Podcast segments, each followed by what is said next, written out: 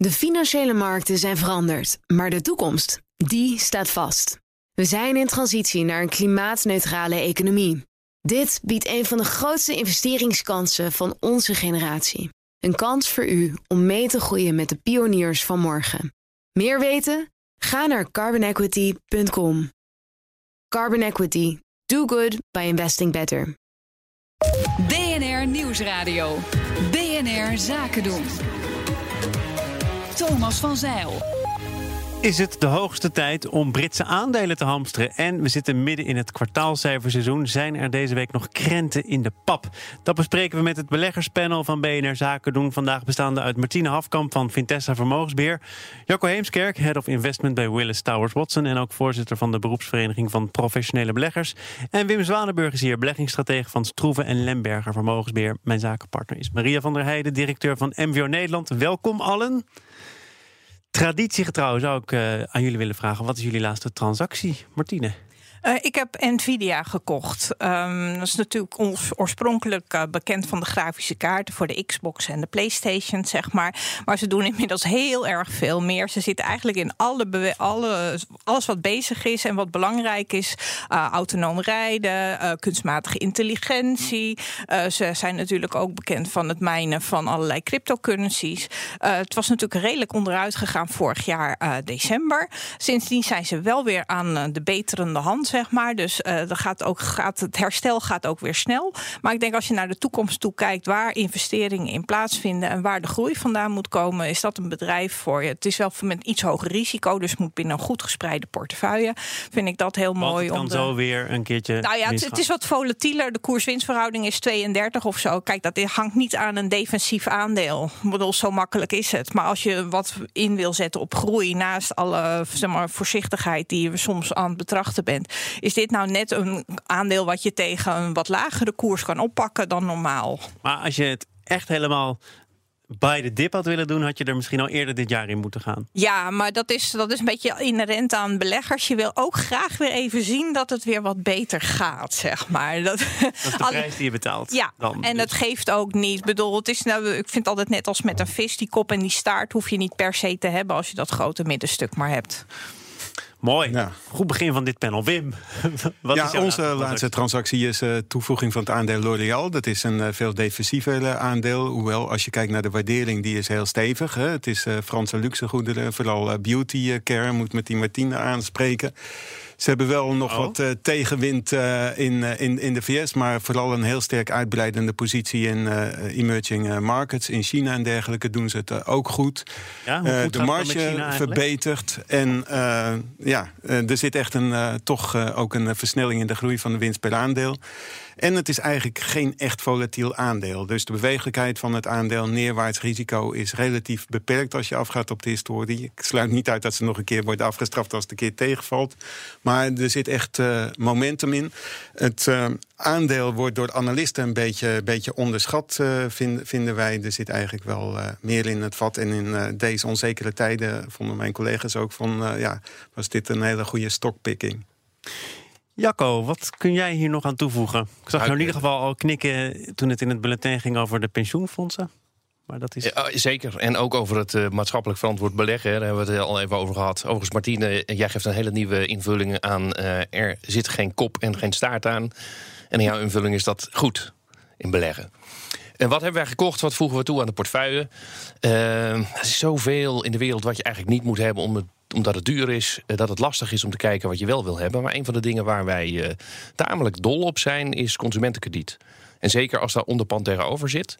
En dan ook nog als je iets goed kunt doen voor de wereld. Dus kom ik toch even aan je terug. Gebeurt er al genoeg? Nee, maar er gebeurt wat. De, de richting is goed. Wat hebben we toegevoegd? Oh, ik dacht, dan, hier laat je het bij, maar je hebt dat nee, al toegevoegd. ik heb erover nagedacht. Nee. Uh, wat hebben wij toegevoegd? We hebben uh, investeringen in zonnepanelen op de huizen van lagere en middenklasse Amerikanen. Waarom is dat goed? Dat is goed omdat je daarmee de kosten van uh, Amerikaanse huishoudens drukt. de prijs van de huizen omhoog laat gaan. en uiteindelijk natuurlijk ook iets doet aan de energietransitie. En wat heb je daar als belegger aan? Nou, daar heb je toch gewoon staats plus 6% op. En dat is iets wat je niet veel vindt. Gaat het fout, betalen ze de rekening niet, dan nemen de zonnepanelen weg en zet je het op een ander dak.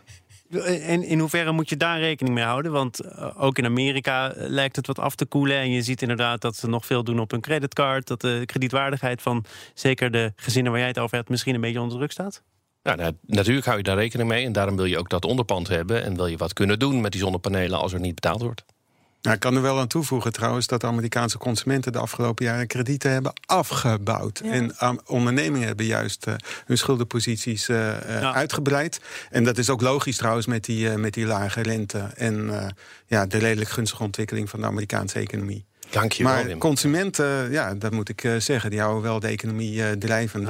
Ja. En waarom Nou, doe je die investeringen of die beleggingen niet in Nederland?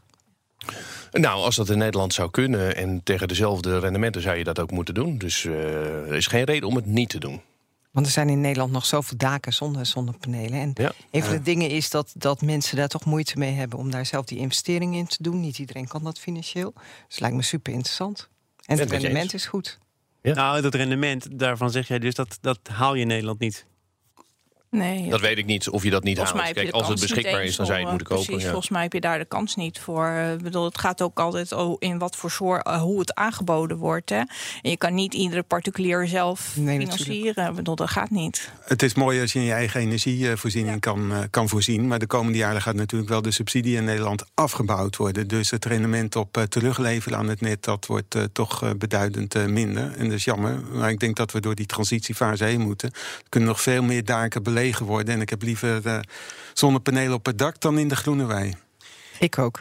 Het is het beleggerspanel op dinsdag. En het grote nieuws van vandaag is denk ik toch naast Brexit... waar we misschien er ook nog wel aan toe komen... dat eh, Proces zich heeft gemeld voor Just Eat. Just Eat heeft al gezegd... eh, wij zijn er op dit moment niet echt in geïnteresseerd. Maar Nou, Martine, echt niet volgens mij hebben ze gezegd. ze hebben gezegd, we adviseren beleggers om eh, de aandelen niet aan te bieden. Maar is dat een spel of is het meer dan dat? Nou ja, het zal deels een spel zijn, maar ze hebben zelf zoiets van: nou ja, we zien meer toekomst op de lange termijn qua groei als we samen met Takeaway gaan. Eh, want dan zitten we op dezelfde fiets, zeg maar. We hebben hetzelfde doel. En Proces is meer de investeringsmaatschappij natuurlijk, hoewel die al een paar andere belangen hebben. En eh, dus ik denk dat ze zelf daardoor. Ja, kijk, dat bod is echt veel hoger van Proces dan wat Takeaway heeft gedaan. En eh, ja, Takeaway zat toch wel redelijk, volgens mij, vonden beleggers in ieder geval aan de max van wat ze wilden of zouden kunnen financieren. Dus of Takeaway dan echt, eh, bedoel, of die nu druk aan het bellen zijn met, met, met de banken of het nog anders kan, dat weet ik niet. Ik bedoel, je zag natuurlijk al de Jij afge- denkt dat ze eigenlijk al... ja, dus je zag natuurlijk ook af, afgelopen tijd dat, want zij willen in aandelen betalen, de koers van de aandeel natuurlijk al fors naar beneden is gegaan. Ja, maar dat is juist interessant van het, Ja. eh, van het nieuwe bod van, eh, van Proces. Ja, dat het gewoon Eh, contant ja, is. dat het in contant is. Ja. Voor de aandeelhouders Just Eat is eigenlijk dit bod gewoon veel aantrekkelijker. Maar voor natuurlijk eh, ja, Just Eat en Takeaway... daar zit onderling veel meer synergie in... als ze die platformen samenvoegen. Maar en dan kunnen ze dat al interessanter uitbouwen. dan Just Eat zelf? Want die hebben dus in ieder geval die eh, eerste toenadering afgewezen. Oh, de derde toenadering, dus inmiddels al de derde Ja. toenadering horen we pas vandaag voor het eerst. Ja, ja want nou, wat mij dan opviel is dat ze natuurlijk heel duidelijk hadden aangegeven, Proces. Want toen het net dat bod van, eh, van eh, Takeaway kwam, toen heeft Proces gelijk gezegd: nee, wij zijn helemaal niet geïnteresseerd. Ik bedoel, dan zie je dus ook weer hoe politiek eh, zeg maar, bedreven Nee, ik heb wordt. de op, CEO gehad in deze studio. Ja, dan kijk, met een ander perspectief terug op dat gesprek. ja, nee, dat kan ik me ook voorstellen. maar ik weet ook hoe dat gaat natuurlijk. Het zou ook heel gek zijn als hij zegt... nou, Ja, tuurlijk eerste zijn we daarmee bezig. Nee, natuurlijk niet. Maar als je kijkt, bedoel, ze zitten al in iFood, Delivery, Hero en eh, Swiggy. Dus op zich, ze doen veel meer in, in die richting. Dus ja, maar ik bedoel, we zullen het gaan ontdekken. Ik bedoel, eh, ja, ik zou ook denken van, nou, het is zoveel ver boven dat andere bod. Ik bedoel, als je toch, dan kan je toch een aardig ritje maken in zo'n aandeel in een korte tijd. We zullen het gaan ontdekken. Het is net alsof we het toch over de brexit gaan hebben. Dat gaan we ook namelijk. Oh, jee. want ook dat gaat... Oh jee, ja, Jacco, heb je er zin in? Nou, tuurlijk. Ja hoor, kom maar. Meen je dat trouwens? Of eh, vind je dat het eigenlijk wel, wel klaar is nu? Ja, ik ben er eigenlijk wel klaar mee. Ja. Volgens mij heel wel. veel mensen. Heel veel mensen. Nou te ja, halen voor beleggers? Laat ik het eh, tot dit panel beperken. Nou, einde aan de onzekerheid, dat zou goed zijn voor, eh, voor beleggers. Eh, de vraag die hier een beetje op tafel ligt is van... eh, worden die Britse aandelen nu interessant? Maar dan moet je echt eh, kijken naar wat er in de index zit... de Britse eh, aandelenbeurs. En vooral de hoofdindex, hè, de FTSE 100... dat zijn toch vooral internationale ondernemingen... met eigenlijk betrekkelijk eh, gering UK exposure, binnenlands exposure. Maar eh, ja, het, de Britse index is achtergebleven. Maar dankzij het oplopen van het pond loopt hij wel in lijn met de rest van de Europese uh, aandelenbeurzen. Uh, ik moet zeggen, ik heb wel één aandeel op mijn korrel binnenlands. En dat is het aandeel Belway. Dat is een, een bouwer. En uh, de Britse huizenmarkt, uh, ja, die laten ze niet in elkaar zakken. Johnson en ook de andere regeringen niet. Uh, dus, en de rente is nog steeds laag. Het zijn gemiddelde Britse woningen van zo ongeveer 200 tot 300.000 pond. De kleine 201 kapwoningen enzovoort. En met een heel lage waardering. Ja, je, gaat, je stapt erin. Ik, uh, we zitten er eigenlijk al, uh, al, al in. Uh, ja, dat geef ik ook gelijk toe. Maar ik vind het nog steeds een, een zeer interessante propositie. Jacco, jij zegt ik ben er wel klaar mee. Maar zie jij toch ook kansen? Nou, kijk, als je hier, ik ben het helemaal met je eens, Wim. Als je kijkt naar wat je nou eindelijk koopt in de UK, dan koop je met name olie en gas, je koopt materials en, en financials. nou ja. Met een overweging naar multinationals. En wat, ja. wat zet nou de prijs van een aandeel in beweging? Uh, dat is een brexit, uh, een harde of een onderhandelde. Nou, stel je voor dat er een deal komt.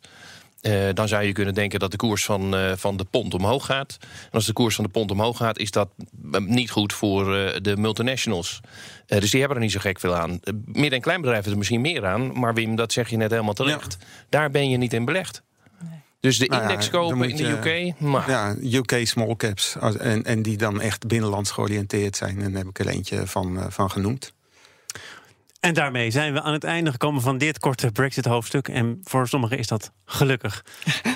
We gaan het nu hebben over het eh, Europese cijferseizoen. Ja, ik heb het zelf ook veel over Brexit, dames en heren. Dat uh, mogen jullie ook wel weten. Straks uh, zoeken we naar de oorzaken waarom dat Europese cijferseizoen zo zwak gestart is. BNR Nieuwsradio. BNR Zaken doen. Iedereen is het zat, maar we hebben toch de hele reclame weer gesproken over Brexit. Gaan we nu niet meer doen. Martina Afkamp is hier van Vintesse Vermogensbeheer. Jacco Heemskerk, Head of Investment bij Willis Towers Watson. En voorzitter van de beroepsvereniging van professionele beleggers. Doe even de afkomsting. Ja, ja. CFW Society VBA Nederland. Dank u wel. Wim Zwanenburg, beleggingsstratege van Stroeven en Lemberger Vermogensbeheer. En mijn zakenpartner is Maria van der Heijden. En we gaan het hebben over het uh, kwartaalcijferseizoen. Daar zitten we middenin. Dus tijd om terug te blikken, ook een klein beetje vooruit te kijken. Vanochtend Randstad in ieder geval. Met misschien dubbel te interpreteren cijfers, maar toch overwegend zwak tegenvallend, Martine? Ja, maar ja, dat was, niet echt een verrassing natuurlijk dat vooral Duitsland er negatief uitsprong. Maar ja, dat weet je, maakindustrie, ze krijgen daar nu dan, zeg maar net als een aantal jaar geleden het hier ook wel was, dat je gewoon mensen aan het werk mocht houden. Dat gaat dan in Duitsland een half jaar mogen ze 2000 mensen aan het werk houden. Op die manier een beetje met steun, zodat het niet helemaal verkeerd gaat. Maar ja, bedoel, uh, volgens mij heb ik er hier ook al heel kort iets over gehoord, een poos geleden. Wat natuurlijk, ja, dat, dus iedereen zit aan dat werkkapitaal wat zo goed is. Maar ja, dat is alleen maar omdat er minder omzet is. Ja, dat vind ik niet echt een heel sterk argument. Moment van Mercurius ja. weer. Maar bedoel, maar, ja, nee, maar dat is gewoon, bedoel, dat, ja, dat is hoe het zit. En als je dan verder kijkt, ja, bedoel, ja, je hoeft er ook geen Einstein voor te zijn. Als je ziet dat er gewoon in Nederland, of eh, niet alleen in Nederland, maar in heel Europa, de maakindustrie natuurlijk wel enigszins onder druk staat. En dan zie je, er was al uitgegaan van een, van een winstdaling, geloof ik, ja. van 3 procent. Wim, maar eh, ze zijn ook flexibel in de kostenbeheersing. En er zijn toch wel wat lichtpuntjes eh, te noemen. De arbeidsmarkt in Frankrijk, eh, Zuid-Europa. Maar waar ze tegenaan lopen is natuurlijk de industriële verzwakking in Duitsland. En dat ze ook hebben gezegd van... we kunnen ook steeds moeilijker mensen krijgen. En dat is natuurlijk de komende jaren wel een uh, rem op, op de groei. Ik moet zeggen, het aandeel is nou ja, met grote uh, bewegelijkheid wel wat teruggevallen en behoorlijk onder de winstlijn ik, nou ja, voorzichtig uh, positief. Ik vat het niet zo negatief op. Waar kijk jij vooral naar uit? Want er komen nogal wat bedrijven de komende dagen. Ja, niet natuurlijk. alleen uit Europa, maar ook Amerika. Nee, we zitten in, in Amerika op ongeveer net iets meer dan een vijfde tot een kwart van het resultatenseizoen. Daar valt het eigenlijk per saldo toch wel mee. We zijn redelijk goed begonnen met Amerikaanse bankenresultaten. Maar deze week kijk ik uit naar een van de meest grote aandelen met de grootste beurswaarde. En dat is Microsoft. Uh, en ja, dat gaat eigenlijk uh, fantastisch. Daar zie je echt dat een onderneming zich weet te vernieuwen. Het is niet meer Office en Windows. Het is veel meer uh, de middleware en de cloud. Wat natuurlijk een hele sterke beweging is. Azure product. Het is echt wat heel geweldig. heb jij nou meegenomen? Of ja, dat is, ja. dat is natuurlijk zo'n zo Surface. Ja, ja. nou, ik ben ook wel Apple-fan. Dan moet ik zeggen, het is om en om. Ik heb ze alle twee, linker en rechterhand. ze vullen elkaar goed aan. Mm. nou ja, ik kijk met je mee uit naar Microsoft Microsoft. Dus dat is toch ja, gezellig. Dat is ook een toch van onze recente favorieten. Maar ik moet er wel bij zeggen, er is geen... Er is echt... Uh, 9,5 van de 10 analisten, zou ik bijna zeggen, heeft het aandeel op een koop staan. En niemand die daar durft te zeggen van uh, ja, doe het maar in de verkoop. Maar als je het hebt over een onderneming die zich aan nieuwe condities, nieuwe marktomstandigheden weet aan te passen.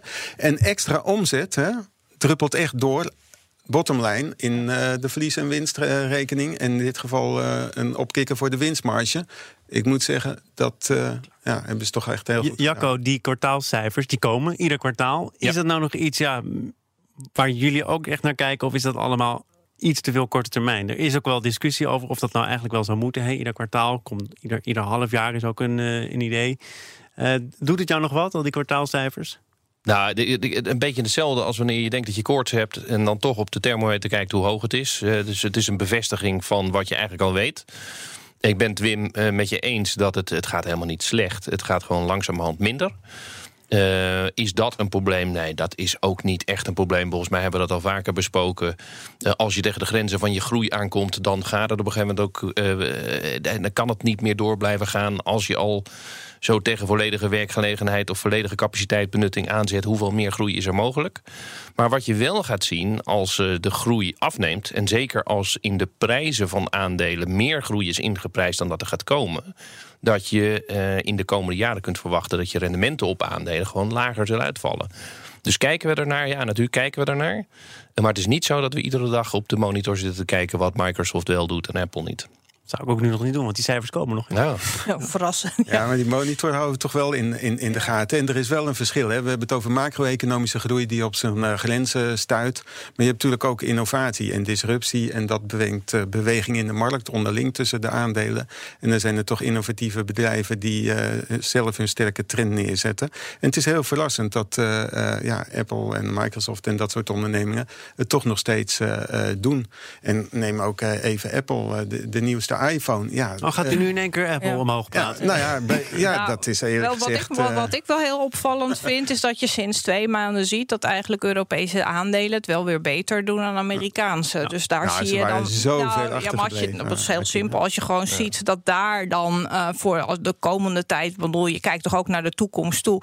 dat zeg maar, de groeiverwachting voor de Verenigde Staten... juist een beetje naar beneden is bijgesteld. En voor Europa... dat daar weer een beetje de schoen erin zit. Dus dat is dan wel weer prettig.